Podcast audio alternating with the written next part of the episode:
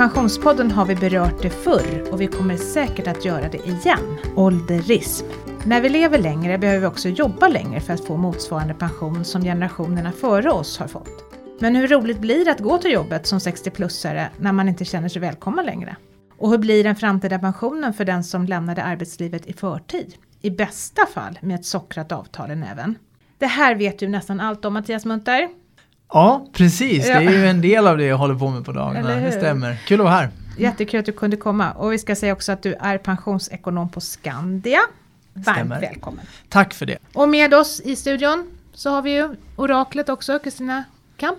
Ja, och jag är ju nästan berörd själv. Jag har rätt ålder. Ja, det har du. ja, fast jag känner mig inte så mobbad på jobbet. Du är inte så mobbad, Nej. det är vi glada för. Och så, jag är väl i rätt bransch. Ja, Ja. Kanske faktiskt. Mm. Ja, det är många på min pension som har mm. gått över pensionsgränsen får man säga, då, mm. 65 år. Mm. Eh, och så, så hör ni mig också då, Maria Eklund. Men nu ska vi prata om ålderismen. Skandia har gjort en rapport som heter Ålderismens effekter på pensionerna med underrubriken En rapport om åldersdiskrimineringens prislapp. Det låter lite dystert, men det är faktiskt mitt i prick vad vi ska prata om här idag. Varför ville ni undersöka det här med ålderism i Sverige, undrar jag? Som pensionsbolag så är vi intresserade av att eh, lyfta vad det är som bygger pension, alltså öka medvetenheten hos gemene man om vad som bygger pension. Och det är klart att det är arbete och ett långt arbetsliv som är liksom förutsättningen. Har man tjänstepension och ett långt yrkesliv så blir pensionen bra för de allra flesta. Därför är vi intresserade av att titta på alla faktorer som kan påverka hur långt ett sånt här yrkesliv blir.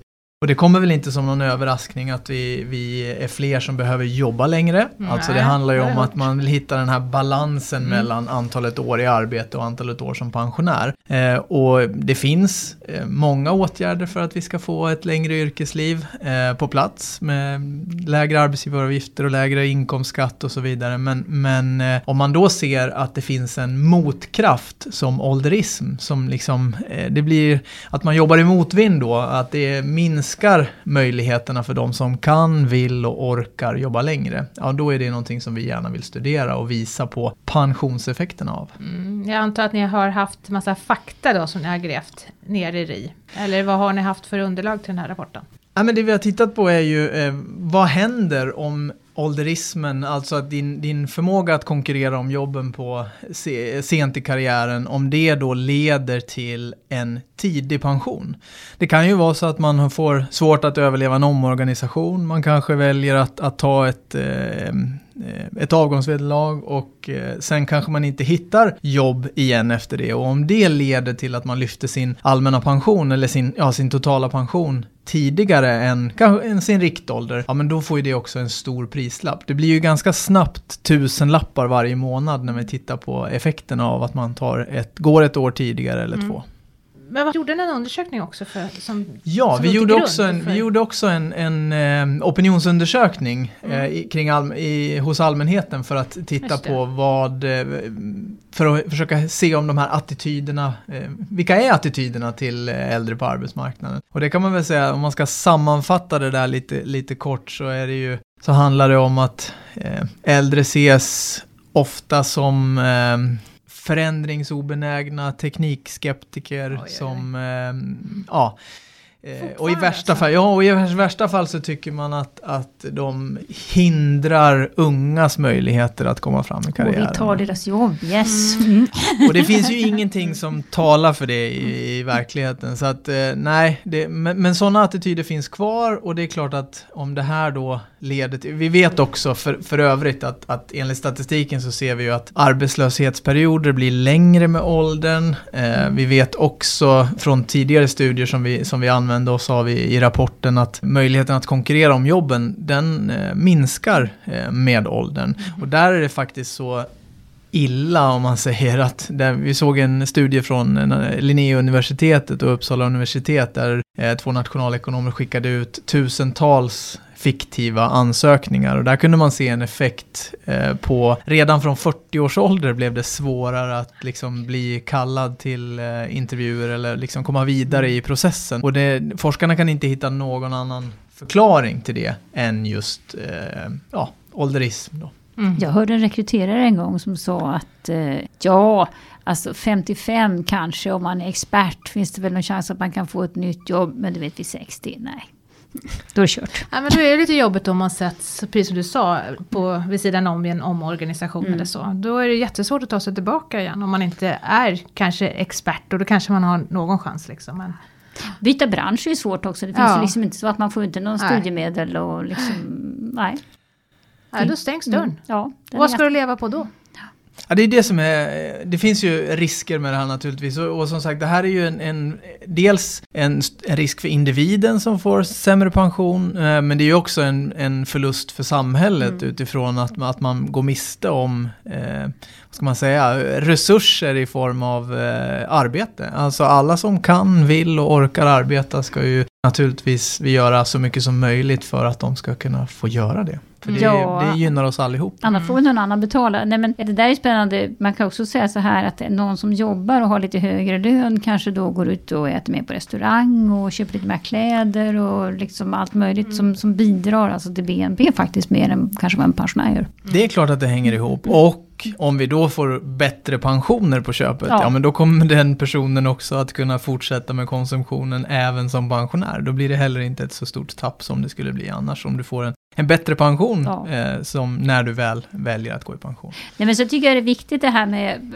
alltså man hör ju då nästan varje gång det är lågkonjunktur i alla fall, att ja, de äldre får väl sluta för att jag menar ge plats till de unga. Den diskussionen finns ju, det tror senast ja. finanskrisen så kom den ju upp igen. Då brukar jag ibland tänka på, alltså i början på 1900-talet, då var det fortfarande så att eh, kvinnor som gifte sig fick ju sluta jobba för att då blev de ju försörjda. Mm.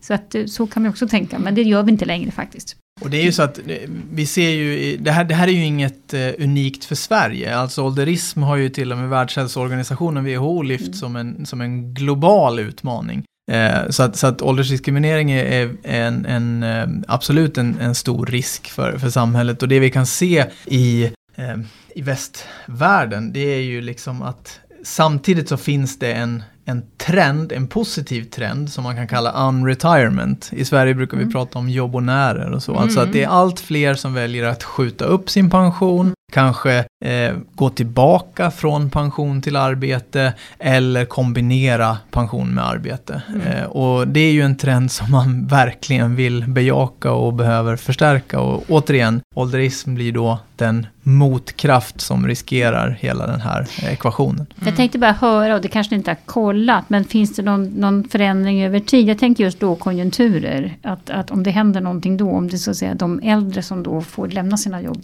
Det vi kan se är ju att, som jag var inne på, att arbetslöshetsperioder tenderar att bli längre med åldern. Så det finns ju en större risk när vi får eh, en lågkonjunktur. Och det är ju precis som du är inne på, just nu har vi ju eh, en stor andel bristyrken ja. egentligen. Så att idag är ju inte utmaningen lika stor. Så att jag menar, ålderismen kommer ju få större genomslag och utslag om vi får tuffare tider skulle mm. jag säga. För idag har vi ju många bristyrken där, där eh, det är svårt att hitta kompetens som man behöver. Så att det, det är ju en, en positiv kraft å andra sidan. Är det samma för arbetare och akademiker där tror du?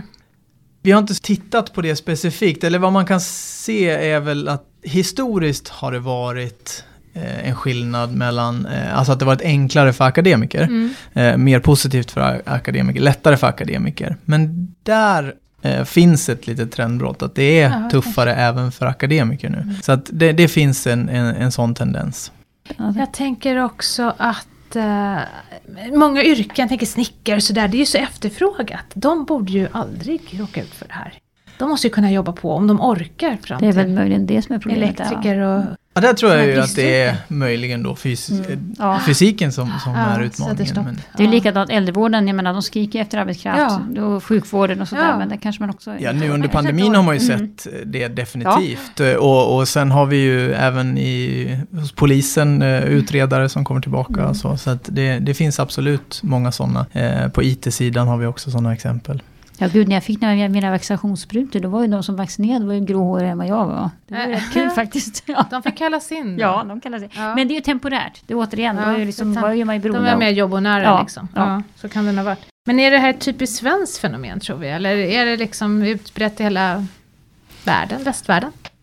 Nej men som vi sa, det är ju eh, det är en global utmaning men de har ju lite olika ansikten beroende på hur utvecklade länderna är. Men, men eh, en sak kan man väl säga att, att Sverige eh, och länder som är lika Sverige, att man är, eh, har ganska individualistiska samhällen, där tenderar ju åldersfixeringen och fixeringen på yta att vara, vara större helt enkelt. Så, att, så att på det viset så, så sticker Sverige ut. Samtidigt så är det nog så, eller är så att eh, det är få länder i Europa där äldre kvinnor jobbar så mycket som i Sverige. Och det kan ju möjligen bero då på att vi liksom har jobbat upp det redan, att vi hade förskola och allting så att vi hade möjligheterna för flera år sedan och att vi då jobbar kvar. Men jag tänkte fråga också, Eh, nu har vi pratat om liksom ålderis, alltså när, är, när pikar man så att säga? När, när, när är man mest attraktiv på arbetsmarknaden? Är det vid 33 eller? När vi tittar på akademiker så finns det ju forskning som visar på att man faktiskt är mer produktiv högre upp i, i takt med åldern. Så att det, där finns det ju faktiskt mycket som talar för att man, man pikar eh, väldigt sent då skulle jag säga. Eh, sen är väl frågan om man vill vill säga att man ska pika eller så. Nej, nej, nej jag bara ur, ur ett arbetsgivarperspektiv. Alltså, som du sa, om det nu är så att man under 40 verkar ju vara någon slags gräns då och det verkar lite jobbigt. Ja, alltså det man kan säga är väl att, att det, kan, det, kan, det blir ju mer frånvaro för, för eh, en eh, som har ett livspussel med, med vab och, mm. och sådana saker. Alltså småbarnsåren är ju tuffa för, för karriären. Det tar mm. mycket energi från eh, alla. Och då är det ju, för den som har kommit över det, så blir man nog mer produktiv och har mer energi till jobbet. Men fattar arbetsgivarna det? Det skulle man behöva fråga arbetsgivarna. Ja, det, det tycker jag är som en intressant medskick. Och numera är det ju faktiskt så att nu kan man nu betrakta både män och kvinnor som småbarnsföräldrar. Förr var det väl så att de där manliga småbarnsföräldrarna hade inga barn. inte på jobbet i alla fall. Ja, så ser det ju inte ut idag. Ska Nej. Jag säga. Nej. Men kommer det gå att ändra den här, den här bilden liksom i tid? Eller kommer det här med ålderism få leva med nu generationer framöver? Vad tror ni? Jag ställer faktiskt frågan till er båda två. Det är väl därför Tanke, vi, det, vi har de här poddarna också, för vi tycker väl att det här är ju en... Eftersom, jag menar förut har det funnits ganska fasta pensionsåldrar och man har liksom följt dem och man har jobbat ena dagen och så har man gått hem. Eh, nu finns det ju ett ökat inslag av flexibilitet och det kanske också finns en känsla av att ja men okej, vi måste nog jobba längre om inte liksom någon annan ska betala notan. Någon annan brukar ju så småningom bli skattebetalare, det vill säga vi alla. Och då kan man ju kanske tänka även som arbetsgivare att nej, men det kanske är bättre att de går kvar några år på jobbet då, än att vi liksom måste betala för dem ändå. Tror jag, men jag vet inte.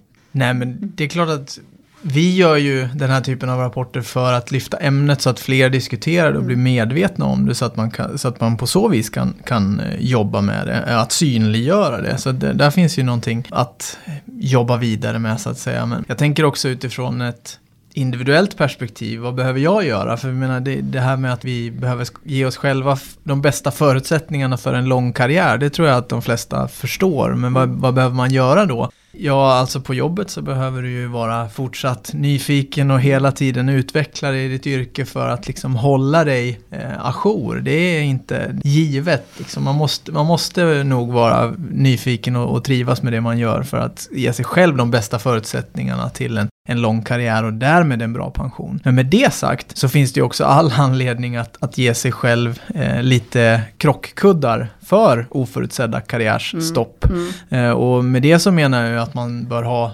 sparat till en pensionsbuffert för att kunna hantera sådana här saker. För att inte riskera att hamna i ett sånt läge där man måste gå tidigt i pension eller att man liksom förlorar väldigt mycket på en, en, eh, en sjukdomsperiod eller en arbetslöshetsperiod eh, sent i karriären. Så att det är två saker. Det är liksom att, att verkligen trivas med sin karriär och, och, och, fortsätta utvecklas, vara nyfiken, hitta den typen av jobb som gör att man eh, behåller det där. Det kommer göra, liksom, ge sig själv de bästa förutsättningarna. Men sen handlar det som sagt om att skapa sig lite krockkuddar också. Ja, det tror jag är viktigt, framförallt om man blir sjuk och liksom sådär som man faktiskt inte kan förutsäga. Eller att det plötsligt kommer en lågkonjunktur när du liksom är 62 och sen har du inget jobb längre. Det är klart att då kan du inte bara säga att ja, men jag hade tänkt jobba till 69. Mm, nej, så det är svårt. Eh, men jag tycker att det är spännande. Dels så tycker jag att det här med, med att ja, du ska vara aktiv på jobbet. Men då ska det ju inte heller vara så som jag har en känsla av, som det har pratats om i alla fall, att har du passerat en viss ålder så blir du liksom inte kallad till den här internutbildningen och sådär för att du anses vara passé. Men sen tänker jag också på det som vi har pratat om tidigare, det som vi ser hos våra användare upp över en viss ålder och hur de vill gå i pension.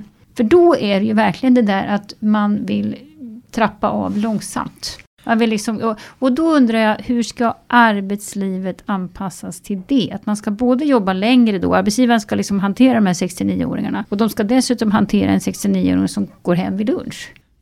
Ja, det här är ju en, så att säga, en fråga för arbetsgivarna att, att hantera. Jag tänker, för, med mitt perspektiv så är jag intresserad av hur mycket flexibilitet kan mm. vi bygga in i ett pensionssystem och i mm. våra tjänstepensioner och så för att, att bejaka det här. Det är ju jätte, jätteviktigt. Eh, vi vet att den allmänna pensionen är relativt enkel att, att eh, vara flexibel med. Det går att trycka av och på. Om vi pratar om den här trenden med att kunna gå tillbaka till arbete från, från eh, pension och att kombinera pension med arbete. Där fungerar det ganska enkelt enkelt. Men på tjänstepensionssidan så, så har vi fortfarande lite bökigare situation. De, dels med att man kan inte alls pausa en tjänstepensionsutbetalning som har startat. Det kan ju också vara någonting som håller emot och gör det svårare mm. att kombinera arbete med pension och växla upp arbete när man känner att, nej men vänta nu, det här, jag har ju mer att ge så att säga. Och att, att man då skulle kunna pausa tjänstepensionen känns ju som en, ja, det är en väldigt lågt hängande frukt om jag uttrycker mm, mig så, mm. för att faktiskt få till en bättre flexibilitet. Som det är nu när man planerar pension med, med, med kunderna som, som vi gör, så, så, så, försöker man ju behålla så mycket flexibilitet som det bara går med de verktyg som vi har. Att liksom försöka kanske tänka i femårsplaner och inte längre. Att försöka försöka behålla så mycket flexibilitet som mm. det bara är möjligt. Mm. För att vi vet att det händer så pass mycket och det är lätt hänt att man går i pension och, och inser dagen efter höll jag på att säga att, att man, man, eh, man har ju så mycket mer behov av stimulans och så vidare. Så att där finns det jättemycket som behöver till i systemet för att det ska bli ännu mer flexibelt. Ja, det hör man ju ofta med de som precis har gått i pension att det var det roligt att jobba. Ja, det finns mm. de som ångrar sig. Ja, verkligen. Ja. verkligen. och då är det klart att systemet ska tillåta ja, ja, verkligen. Och jag tänker om, om man själv får välja då, så kollade ni på det, hur länge vill vi jobba? Vi har inte det i den här undersökningen, men där kan man väl säga att ju yngre man är generellt sett så drömmer man om en tidig pension. det, det brukar hänga ihop. Ju längre bort det ligger desto svårare har man att relatera till det där. Det är aldrig så lätt att prata om pensionsplanering med någon som är över 60. Så att, nej, det där är lite svårt. Så att, I den här undersökningen har vi inte tittat på hur nej. länge man vill jobba. Däremot så har vi utgått ifrån eh, riktåldern och den förväntade riktåldern för de typfall som vi har räknat på. Så att vi liksom väger in det att man faktiskt vill göra så som eh, det är tänkt i förhållande till ökad medellivslängd och så vidare. Så att man, även om man vill göra allting rätt så ser vi vad som händer om man inte lyckas med det av olika anledningar, i det här fallet ålderism. Någonting som jag vet att ni kollar på, det var det här med sockrade avtal som jag pratade om i början. Och med sockrade avtal menar vi då att man, man får liksom en månadslön betald fast man slutar. Helt enkelt, kanske i 18 månader eller så har man liksom betalningen Exakt. Och, Hur påverkar det egentligen? Pension. Ja, men det är ju där eh, vi säger att man behöver vara noggrann med att titta på vilka pensionseffekterna blir av ett sånt mm. avtal. För det kan ju vara ett, eh, ett bra avtal för att klara två år, men frågan är om det innebär att jag måste ta ut min pension därefter eller så. Det, då, det är då vi hamnar i en situation där det kan kosta lite mer än det smakar. Och det kan man väl säga att, att eh, vi har ju gjort typfall utifrån dagens 40-åringar som också har en möjlighet att påverka sin situation, eh, sin pensionssituation, bygga upp buffertar inför framtiden eh, nu. Och då är det så att de som idag får erbjudanden, då kan man säga att arbetsgivarna har en lite lättare resa i och med de här förmånsbestämda pensionerna som gör det faktiskt lite lättare att, att få ihop eh, bra lösningar. Det där kommer bli mycket, mycket svårare att få till på ett bra sätt när vi har de premiebestämda lösningarna. Mm. Så, att, så, att, jag skulle säga att det blir en växande utmaning och viktigare att liksom hålla koll på det här eh, framöver i takt med att vi rullar över, rullar ut de här förmånsbestämda lösningarna till eh, premiebaserade lösningar. Då kommer det bli svårare att få till eh, riktigt bra avtal. Så det blir, det blir eh, mm. viktigare att vara uppmärksam. Och återigen handlar det om att se bortom det här avtalet. Vad händer då? Vad har jag för möjlighet eh, att, att konkurrera om ett nytt jobb? Eh, kommer det innebära att jag behöver lyfta min pension? Vad får det då för konsekvenser? Att man tänker hela vägen fram där. Eh, men jag tänkte fråga, för att min känsla, men nu är det verkligen bara magkänsla, är ju att de här avtalen redan nu inte är lika vanliga som de var för några år sedan. De brukar ju hänga i alltså de följer ju konjunkturen ja, man säger. De ja, blir vanligare när det är tuffare tider. Så, ja, det är så det, de kommer snart. Mm, ja, just det. Och då ska man se upp. Ja, men då är vi med. Men som sagt, det vi, det vi vill lyfta är liksom att, att vara uppmärksam på Mm. det här och att vi ser att i framtiden så kommer det bli Eh, lite svårare att sy ihop de här på, på rätt sätt. Och också om vi tänker oss att ehm, ja, i förhållande till vilken pensionsålder tittar man. Idag är ju fortfarande normen 65 Ja. och det är klart att 67-69 är ju vad vi ser på, på horisonten. Mm. Så att då, då blir det en annan situation också. När, Så du, när, som, ja, du själv ska fatta att är det så att arbetsgivaren tycker att jag är beredd att betala dig till 65 så ska du omedelbart kontra med att jag tänker vet mister vi betalt till 68. Men det kommer ju bli, Ja. I framtiden kommer det ju bli nya eh, Åldrar. Åldrar att Ja. förhålla sig till. Mm. Och det är klart att man, man eh, måste ta, ta det med sig i beräkningen. Men återigen, fundera på den långsiktiga pensionseffekten och verkligen Mm. få med den i ekvationen. Det är det som vi vill. Ja, men alltså ska man räkna med att man ska bli passé? Kan man liksom förbereda sig tidigt i livet på att eh, tänka i de här banorna liksom att jag blir nog passé. Det kanske kommer en dag när, när jag inte har något jobb längre, fast jag har väldigt långt kvar till pensionen då eller? Man får väl vara ödmjuk nog att, att eh, inse att man inte... Eller alltså att... Vad ska man säga? Jag, jag tänker att man... man eh, det jag var inne på tidigare kring att fortsätta vara nyfiken och, och vi, hela tiden vilja lära sig nytt och, och, och så det är det som... Ja men alltså jag tror att det är det, är det som är, är det bästa sättet jag kan liksom hålla tror mig, eh, hålla mig igång och utmana Mm. mig hela tiden och, och, eh, och jag menar det här är ju eh, man vill ju vara också på en arbetsplats där det finns en mångfald av olika åldrar för att på så vis ge varandra energi. Vi pratar om mentorskap och omvända mentorskap där man har en, en yngre mentor kanske Mm. senare i karriären och så vidare. Så det finns ju jättemycket man, man kan göra här för att, att behålla eh, nyfikenheten och fortsätta utvecklas. Men också eh, får man vara ödmjuk nog och tänka att eh, jag behöver nog bygga upp en liten buffert för att eh, inte det här ska drabba mig så hårt ekonomiskt som det skulle kunna göra om jag drabbas av ålderism i framtiden.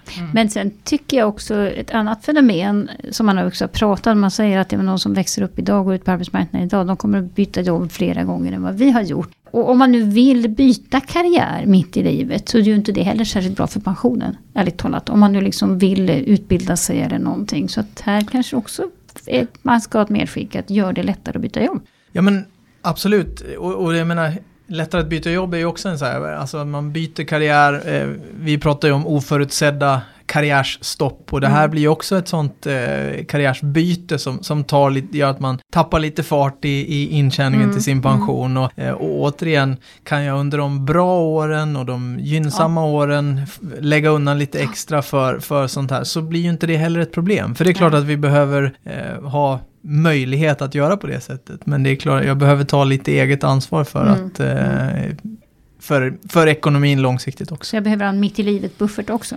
Ja men det tycker jag. Det, men det är klart att eh, buffert behöver Ja, man alltid. alltid, Vi pratar ja. om buffert för oförutsedda Ja, utgifter på ett års sikt. Mm. Men det finns ju sådana på medel och lång sikt också. Ja, men det är klart att det gör ju att man får ökade möjligheter. Man läser ju gång på gång de här reportagen om att jag flyttade ut på landet och startade en hästgård och allt vad det är för någonting. Men å andra sidan, de som gör det kan man ju ändå beundra att de ändå har faktiskt tagit klivet. Och, och där har du ju den extrema delen av, av liksom ett, ett sparande och en sparkultur. Jag menar ju att, att för de allra flesta så är det möjligt att skapa sig den här ekonomiska tryggheten och den ekonomiska friheten med bara eh, en, ett uns av den disciplin som man visar för att, eh, så att säga, skapa sig, eh, göra sig till pensionär vid 45 som, som Ja, ja. Men, men annars då, om jag tänker mig ett, ett sparande, ett mitt i livet sparande eller ett eh, om det skiter sig när jag blir äldre sparande. Eh, vad är det vi pratar om här? En årslön? Två? Liksom, vad, vad är rimligt?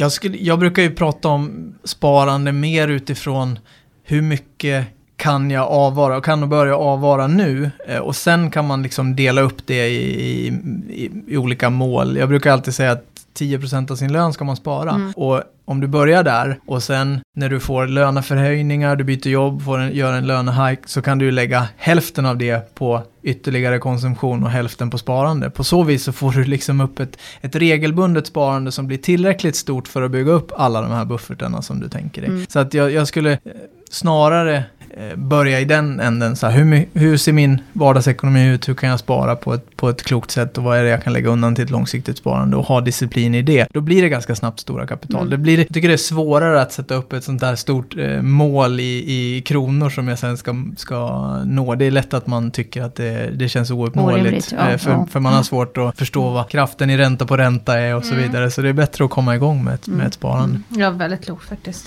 Du, jag tänker, eh, om man då tänker på de här som ändå känner sig lite diskriminerade på arbets marknaden som äldre. Vad, vad säger diskrimineringsombudsmannen? Har du kollat på det Kristina? Ja, jag kollar lite grann och det här, alltså diskrimineringsombudsmannen har ju verkligen definierat det här som, mm. som en diskriminering, mm. absolut. Nu kan man ju naturligtvis prata båda ändar, man kanske är diskriminerad för att man är för ung också. Men läser man vad diskrimineringsombudsmannen landar i så är det ju oftast de här som just eh, inte får nya jobb efter 60 i synnerhet. Så där kan man ju klart prata om att här finns en diskriminering faktiskt. Mm. Mm.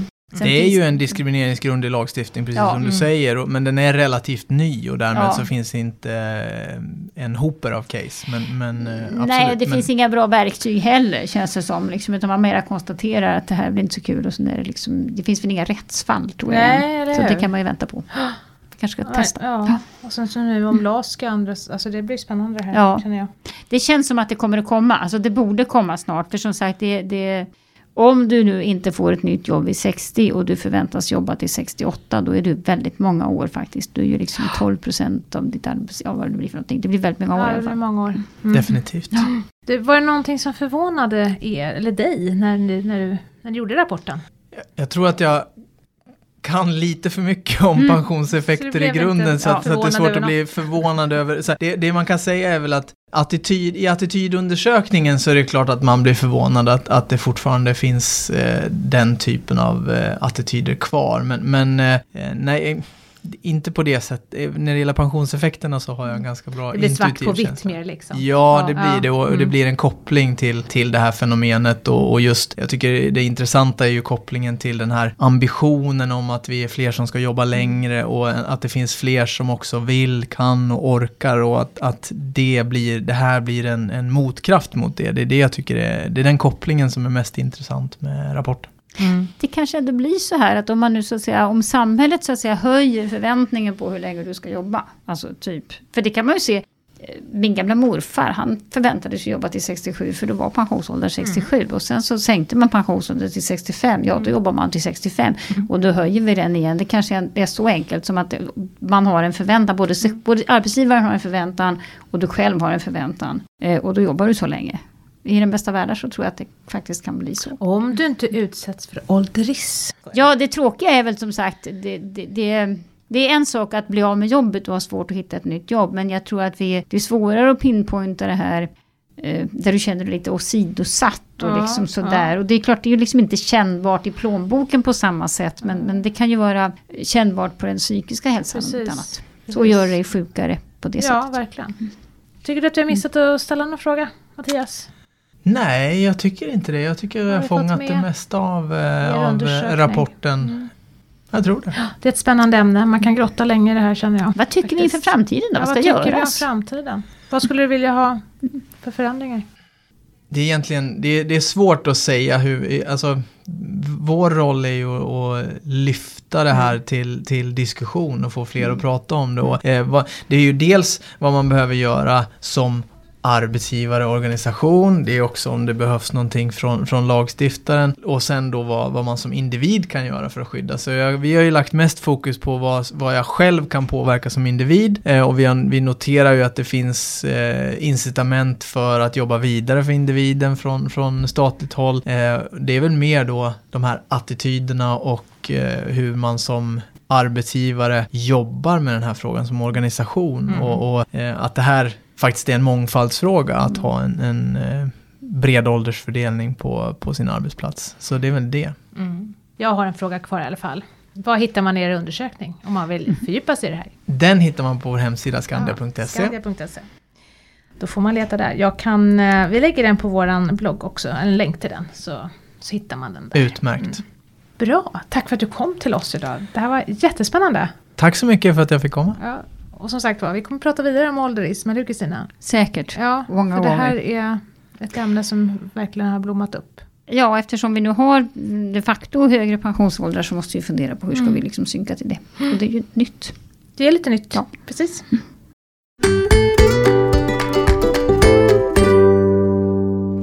Dagens fråga kommer från Dogge som är 31 år. Han har en stor del av sina pensioner placerade i fonder och känner sig orolig nu när börsen svajar. Vad ska han göra och hur ska han tänka? Eller kan han göra och tänka något? Är det bara att sitta still i båten? Spontant skulle jag säga ja ja. han är så ung, han har hela livet framför sig, han ska jobba till 70 Han har ju, han har ju mycket. om man tänker liksom tjänstepensionsavtalen ser det lite annorlunda ut för ja, Dogge. Ja, det, men ja. om vi börjar med, jag tycker för det första att han ska faktiskt gå in på min pension, så ska han ta reda på verkligen i detalj hur hans pension ser ut. Eh, inkomstpensionen, som förmodligen kommer ändå vara en ganska stor del av hans pension om han inte har en enorm inkomst. Eh, den är ju då, växer ju med svensk tillväxt och där kan man liksom inte göra så mer än att hoppas att det går bra för svensk tillväxt. Det är inte så mycket som är, har med börsen att göra där.